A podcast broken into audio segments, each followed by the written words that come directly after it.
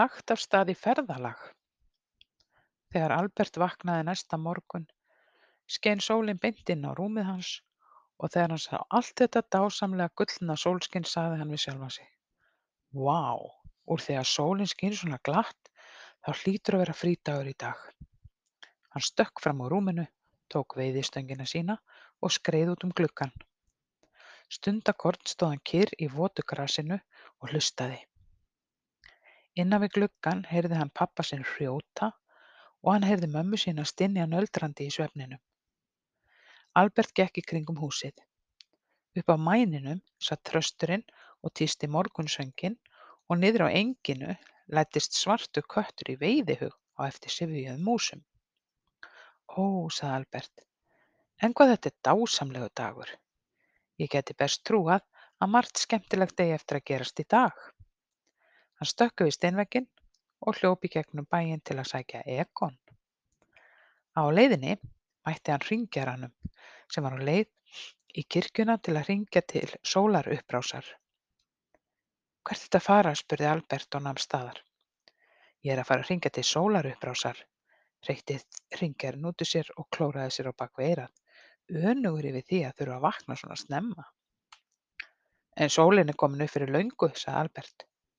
Þegiðu strákur, hvæsti hringjarinn og steytti hnefann á móti honum. Hypjaðu þig, árans pottormurinn. Albert skokkaði áfram gegnum bæinn og velti því fyrir sér hvers vegna hringjarinn hefði ekki hringt til sólarupprásar á réttum tíma. Sólin er alveg sama hvað hann gerir, sagði Albert við sjálfan sig. Hún kemur bara upp þegar henni sýnist. Hann hélt áfram og blístraði beint upp í loftið og sólin glitraði á döggvotu grasinu í brautaskurðinum þar sem engispretturnar léku tónlist sína. Öðru hvoru nam hann líka staðar og gægðist inn í garðana til að vita hvort hann sæi þar nokkrar þroskaðar plómur því að á eftir perum voru plómur það besta sem Albert gat hugsað sér. En það eina sem hann sá voru garðstólar og blómabeð og storkar úr plasti. Skrítið, sagði hann við sjálfan sig. Það er eiginlega enginn hérna í bænum sem ræktar plómutré. Og svo orti hann vísu sem var svona. Þegar sólin fer að skína fylla strákar vasa sína af plómum sem þeir tína. Egon var hvergi að finna svo Albert fór yfir að glugganum hjá honum. Glugginn var lokaður og dimmt fyrir innan. Hæ, sagði Albert, en Egon birtist ekki. Þetta er skrítið, hugsaði Albert, kannski er hann orðinn veikur.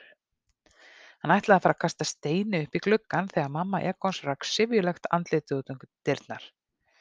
Hypjaðu þig, hrópaði hún. Egon á að vera í rúminu í dag. Hvað hefur hann gert af sér núna? spurði Albert. Ekki neitt, sagði mamma Egons. Hann á að vera þar svo hann ger ekki neitt af sér.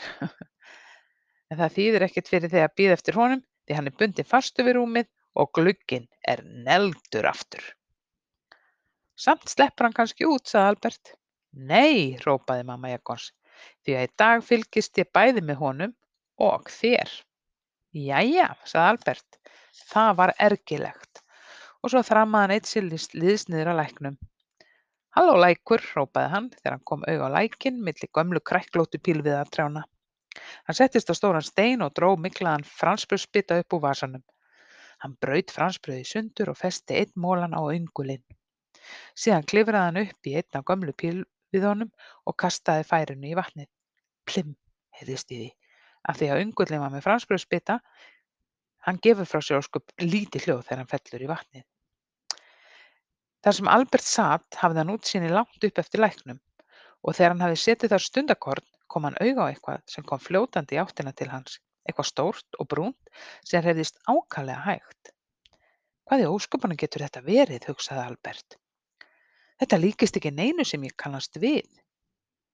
Albert steinglimti við honum.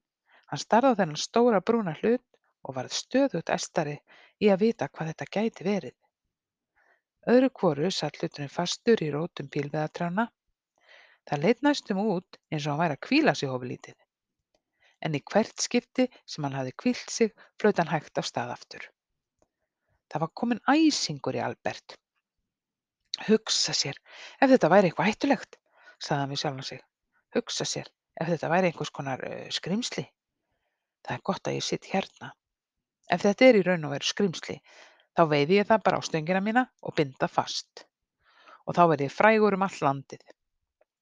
Beint undir uh, Albert höfðu tvær vatnarottur líka orðið vara við stóra brúna hlutinn því allt í einu þutu þær til og földu sig í rótum pílviðarins. Nú veit ég hvað þetta er, hrópaði Albert og var nærri dottinn niður á greinina á æsingi. Þetta er sækýr. Sakkarías kennari hefur oft og mörgum sinnum sagt okkur frá þeim. Þær eru næstum eins stórar og hvalir og langt um hættulegri en ljón og ísbirnir.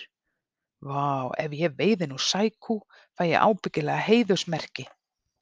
Já, kannski verð ég hreppstjóri heima í staðinn fyrir Jóhann gamla. Eða kannski verð ég bæjarstjóri á Knarrarstöðum. Vá, ég ætla að gefa börnunum frí og skólanum alla daga nema sunnudaga. Þá mega þau bara vera í skólanum í tíu mínútur og þá mega þau rópa eins hátt og þau geta. Nei annars, þau mega alls ekki rópa þennan dag. Þau að sitja með fæturnar upp á borðunum á meðan hvert þeirra borðar heilt kíló af konfekti. Og enginn fær að fara heim fyrr en hann er búinn að borða allt konfektið.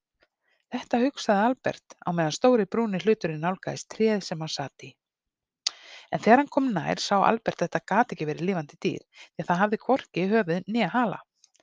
Ha, hrópaði Albert og fór að hlæja svo að berir fæturnir sveifluðust til.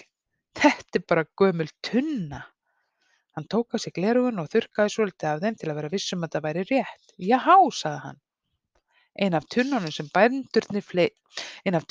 bændurnir fleygja í lækinn þegar grísirnir hafa étið síldina sem er í þeim. Hann gat ekki stillt sig um að hlæja þar sem hann sat og sveiflaði fótunum. Ha ha ha, sagði hann, ég er nú meiri bjáninn sem betur fyrr. Ég hefði sko alls ekki kært mig um að vera bæjarstjóri á Knarrarstöðum því að Bæjarstjóri getur víst alls ekki gengið berfættur inn í bænum á sumrin og hann getur víst heldur ekki farið á veiðar á hverjum degi. Hann má heldur ekki kasta grjóti eða skjóta úr baunabyssu eftir fólki. Stóri brúni hluturinn var einmitt tóm síldatunna. Hann rak hægt undir tréð þar sem Albert satt. Ó, hrópaði Albert allt í hennu, ég get annars vel nota svona tunnu. Ég gæti silt í henni niður lækin og lendi í einhverju skemmtilegu. Hann brá snöggt við náði síldartunnunni með veiðistönginni, öngullinn festist í tunnubarminn og Albert dró brúnu síldartunnuna varlega upp að rótum pílviðarins. Hæ, hrópaði hann, nú á ég bát og nú get ég siglt hvert sem er. Ég kem aldrei framar heim. Hann rendi sér niður úr trénu í hendingskasti og stökk ofan í tunnuna. Úhúhú, hver skrampinn, en svo fisklykt, sagði Albert. Bara það væri lakkríslykt úr tunnunni. En það verður víst ekki svo slæmt þegar ég hef setið smástund í henni og vanist þessu. Albert ýtti frá landi og kom sér þægilega fyrir, renndi aftur út færinu sínu og byrjaði að öskra plómusöngin sinn beint upp í tært morgunloftið. Þegar sólin fer að skína fylla strákarnir alla vasa sína af plómum sem þeir tína. Tunnan flutt hægt niður lækin og garðarnir og hústökin í Kallabæ hurfu í fjarska.